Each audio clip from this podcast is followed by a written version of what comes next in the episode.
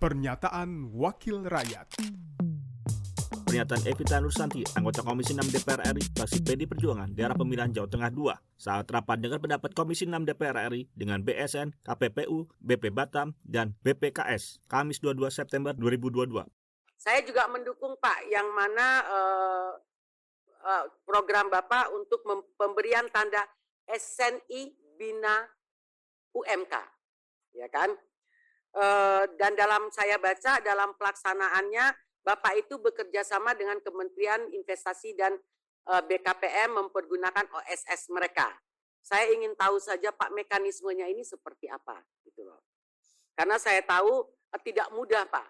Masalahnya itu UMKM UMKM kita di di daerah-daerah itu, apalagi di desa-desa, nggak mengerti yang namanya SNI itu dulu Pak, yang harus disosialisasikan SNI manfaat produknya mereka itu mendapatkan uh, eh, SNI ini apa? Karena mereka mendengar sudah pada ketakutan dengan biaya yang timbul. Nah ini sosialisasi-sosialisasi mengenai kemanfaatan SNI, SNI ini harus secara masif diinikan kepada apa namanya eh, kelompok-kelompok UMKM Pak. Pernyataan Evita Nursanti, anggota Komisi 6 DPR RI, fraksi PD Perjuangan, daerah pemilihan Jawa Tengah 2, produksi TV dan radio Parlemen Biro Pemerintahan Parlemen Sejen DPR RI. Pernyataan Wakil Rakyat.